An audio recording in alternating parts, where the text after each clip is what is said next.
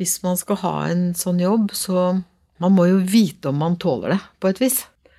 Og vite at du skal utføre et stykke arbeid som, eh, som er veldig, veldig fjernt fra det du gjør til daglig hjemme, da. Dette er den siste episoden i podkastserien om oppsporing, og til nå så har vi snakka mye om nettopp oppsporing. Men det er faktisk bare én del av jobben Røde Kors sin oppsporingstjeneste gjør. Den andre handler om noe som både jeg og du og veldig mange tar for gitt hver eneste dag, nemlig muligheten til å snakke med hverandre. Jeg heter Roar Moltubakk, og du hører på podkasten Rødt lys fra Røde Kors.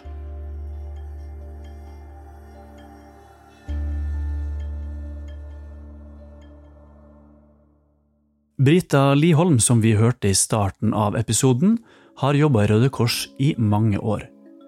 Hun har masse erfaring fra internasjonalt arbeid med krig og konflikt, og har selvfølgelig sett mye som de fleste av oss andre ikke har sett. Men selv om hun er rutinert, så dukker det av og til opp enkeltmennesker med historier som til og med gjør Brita forfjamsa. Nå skal vi få høre om en helt spesiell opplevelse. Som du sier, så er det, er jo ingen saker som er like. Nei. Uh, og Det er ikke så veldig mange år siden du hadde et veldig sterkt møte med en, en, mann som kom fra et annet land og plutselig sto i resepsjon Ja. her nede Mm. i Hausmanns gate i Oslo. Mm. Kan du beskrive litt den dagen her? Hva var det som skjedde? Ja, Da ringte de opp fra resepsjonen og sa at vi måtte komme ned. eh, For det sto en, kom en mann eh, som var veldig forkommen. Så jeg gikk ned da eh, og fikk ham til å sette seg, og han, det var helt riktig, han så helt utslitt ut. Han var møkkete, han hadde T-skjorte, eh, fillete bukser, eh, skjeggete fjes. Og ja han, ja, han så veldig dårlig ut, og han kunne, kunne knapt nok snakke. Eh, Så vi fikk raskt tilkalt en tolk, eh, og så fikk vi ham til eh, helsesenter for papirløse. Så han fikk legehjelp. Vi skjønte at han var i smerter og trengte medisiner. Så Men du sa at han, han Ja. kunne nesten ikke snakke. Hva var det? Nei, ja, det var det. Han hadde, og det fikk vi jo vite da, han hadde altså flyktet. Han kom fra Afghanistan, han hadde kommet seg over til Hellas, og han hadde han, Kona hans hadde kommet til Norge eh, tidlig, eh, tidligere, så hun hadde vært der halvannet års tid. Det fikk vi jo greie på etterpå. Eh, at han eh, var derfor han ville til Norge. Så hadde han altså hengt Han hadde hengt under tog, da fra land til land og bitt tenna sammen, så de var helt nedbitt. Eh, Tennene hans var eh, Ja, de var bare små stumper igjen, fordi de var helt nedslitt av stress og frykt for det han eh, måtte være igjennom, da. Så da han kom hit, så fikk vi snakket med ham, vi fikk uh, høre historien hans. Han uh, fikk jo selvfølgelig uh, et sted å være. Um, og så fikk vi jo navnet hans, og da var det et spesielt navn som vi kjente igjen. Uh, og det viser seg jo da at hun hadde jo lett etter ham også, for de hadde antageligvis snakket om å reise til Norge. Men det vi gjorde, var å finne henne, ta kontakt med henne og spørre om hun uh, kjente navnet til ham, og om hun ville ha kontakt. Og det ville hun veldig, veldig gjerne, for i mellomtiden Hun hadde vært gravid da hun kom til Norge, så hun hadde født et barn da i et av de nordligste fylkene våre, så han eh, reiste, fikk reise dit og være på mottak i nærheten av henne, da. Så det var jo en, en helt spesiell historie, og jeg tenker at det er jo ikke ofte at det er at det går så raskt, og at det er så fort eh, vi finner ut av ting, og at eh, Men det- det var en historie som, som eh, Ja, hvor sikkert tilfeldigheter også gjorde at han kunne være her eh, og finne henne så fort, da. Men hva var det han sa sjøl konkret om den reisa? Han hadde altså kommet seg til Tyrkia, eller Hellas. Til Hellas, ja. Og, så, og hva gjorde han? Nei, altså, han hadde gått på togstasjonen, da. Eh, og heng... Altså I nattens mulm og mørke hengt seg under toget, da. Til neste stopp. Og sånn hadde han holdt på. Det hadde jo tatt måneder. Uh, og det er jo litt uh, han eh, Altså, jeg tror ikke han fortalte noe at han hadde hatt noe hjelp av noen smuglere, eller altså For ofte så har man jo hjelp av smuglere som, som også ordner med transport fra land til land. Men det hadde han ikke. Han skulle til Norge. Han visste at hun var her. Men Kom han altså på Oslo S under et tog? Han kom under et tog og fant Røde Kors. Vi er jo ikke så langt unna. Historien om mannen under toget er et godt eksempel på at både den som leiter, og den som leites etter, skal tas hensyn til i prosessen. Brita hun forteller at eh, alt arbeid med oppsporing foregår på krypterte system for å beskytte menneskene som er involvert. Dette gjør man for å sørge for at kommunikasjonen via Røde Kors skal oppleves som trygg. Dette leder oss over til den andre delen av oppsporingstjenesten, den som handler om å gjøre det mulig for mennesker som er adskilt, å holde kontakten med hverandre, og å gi og motta sårt etterlengta livstegn. Vi har to aktiviteter. og Det er, ene er oppsporing, og det andre er Røde Kors-meldinger. Og det var jo det man gjorde eh, for Nelson Mandela, var jo å holde kontakten mellom ham og familien hans. I alle de årene han satt på Robben Island, så var det eneste kontakten han hadde med familien, var gjennom Røde Kors-meldinger. Og de Røde Kors-meldingene ser akkurat ut i dag sånn som de gjorde da, og sånn som de gjorde under annen verdenskrig.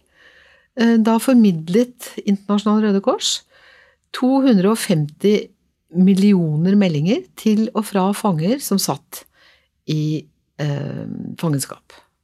Men hva er det slags meldinger? Det er Røde Kors-meldinger som handler om at du vet hvor eh, den du skal sende meldingen til, bor. Men posten virker ikke. Eh, og er satt ut av ulike årsaker. Da. Det er krig eller konflikt eller katastrofer eller noe.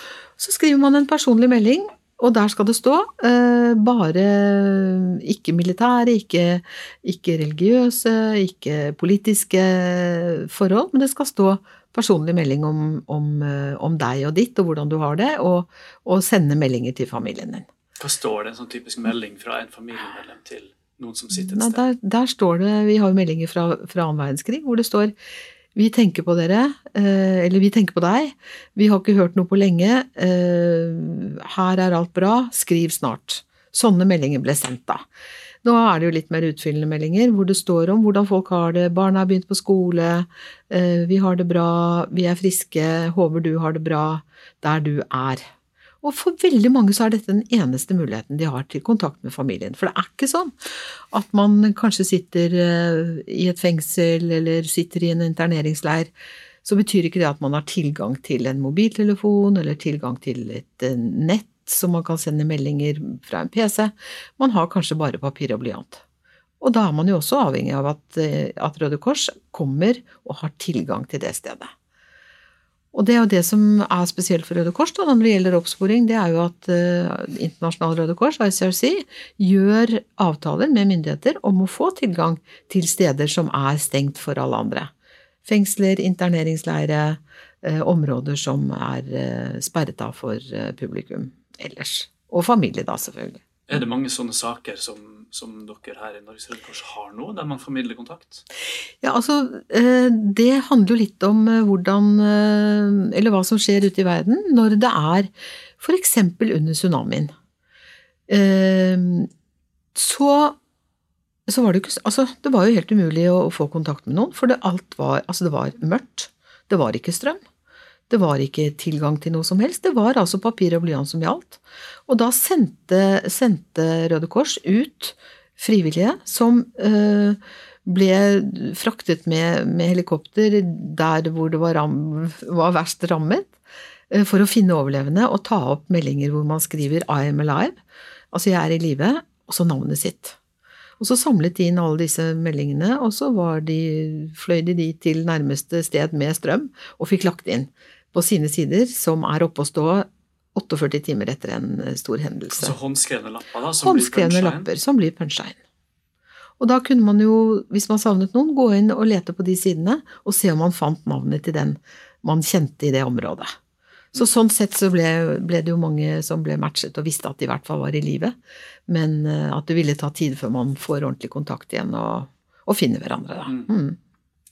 Hva var det Nelson Mandela sa da han slapp ut, om betydninga Jeg husker-? Jeg husker han viste fram bunker med meldingene som han hadde gjemt på i fengselet. Hvor han, som han leste om og om og om, og om igjen. ikke sant? Som var siste nytt fra familien. Og vi vet jo at han var en eh, Han heia på Røde Kors nettopp pga. eh, sine opplevelser med, med Røde Kors i den perioden han satt inne, som var 23 år, tror jeg. Mm. Du, du, du nevnte Salamat. Ja. Hva er det for noe? Nei, fordi du eh, Jeg tenker at vi driver jo med eh, forskjellige oppsporingsaktiviteter. Det er jo annet å finne folk, sende Røde Kors-meldinger, innhente dokumentasjon der hvor det har vært krig og konflikt fra universiteter og Eller eh, folk trenger papirene sine. Eh, folk trenger dokumentasjon på at de har sittet i f.eks. Rafa-leiren i mange, mange år og hatt besøk av ICRC, sånn at de får dokumentert hva de har gjort. Um, og hvis du først får besøk av ICRC, så får du et kort og du får et nummer. Sånn at du, de vet at du er der, og da, det er jo en sikkerhet for deg og en trygghet at du ikke blir borte. Uh, for da har ICRC vært der. Um, så Og salamat er en Det betyr hilsen.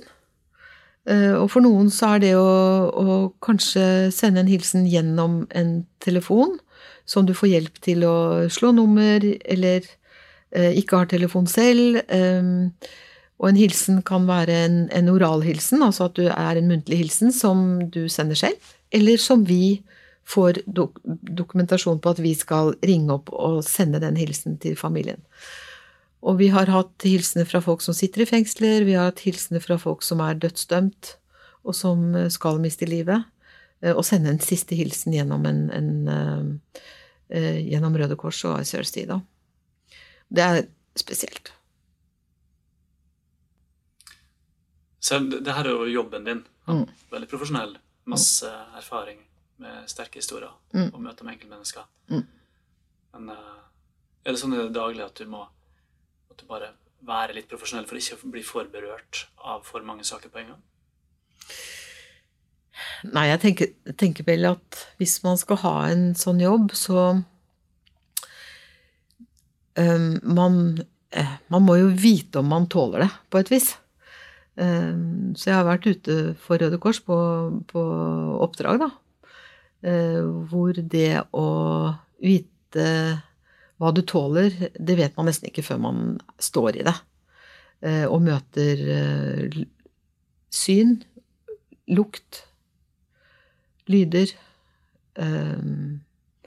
Og vite at du skal utføre et stykke arbeid som, um, som er veldig, veldig fjernt fra det du gjør til daglig hjemme, da. Eh, Sånn at det er jo litt som du sier, gjennom mye erfaring, gjennom utdanning, nødvendig utdanning i eh, krisebehandling og psykisk stress, blant annet. eh, Trening, mengdetrening. Det å kunne fortelle folk de gode nyhetene og de dårlige nyhetene.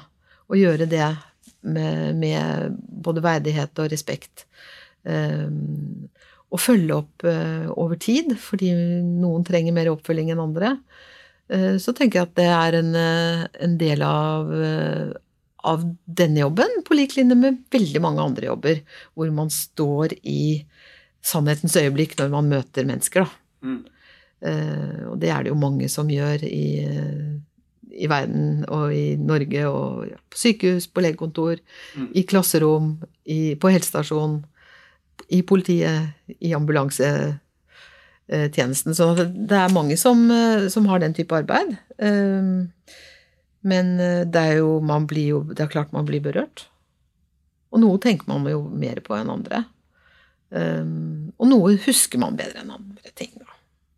Jeg kunne tenke meg å bare spilt av en liten videosnutt her.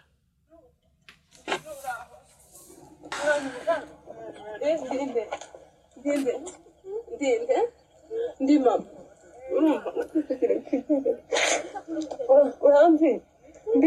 Det her er fra Rwanda. Ja. En liten jente som får møte mora si Ja. etter flere år. Absolutt. Ja.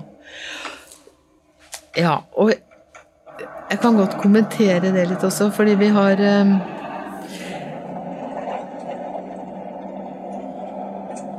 Da ser vi dem kjøre hjem til landsbyen sin. Ja. Samla igjen. Og det, eh, vi har jo eh, Norges Røde Kors støttet et eh, gjenforeningsprosjekt i Kongo eh, for mange år siden. Eh, Og det er jo akkurat de, de bildene hvor, hvor du ser at barnet Det har gått så lang tid fra barnet så moren sin sist, at eh, hvis det har vært borte fra det var et år, og plutselig møter barnet igjen et, moren sin etter et par år, da, er ikke de husker så godt. Men det gjør jo moren. Eh, Sånn at det er veldig stor Mange av de barna er litt eh, forundret over eh, denne voldsomme reaksjonen. Og det er jo fordi at de De har ikke sett dem på, på lang, lang, lang, lang tid. I de små hodene sine så har de har, de, har bildet av moren eller faren eller søsknene blitt bleknet, da. Eh, Men det er jo rørende historier, og det er jo så fantastisk å få være med på, på den, eh, en sånn type gjenforening. eh, Hvor man ser at eh, man kan bidra til at familiene er samlet igjen. Dette var siste episode i Røde Kors sin podkastserie om oppsporing. Abonner gjerne på podkasten Rødt lys der du lytter til podkast, for å få varsel når neste episode med nytt tema kommer.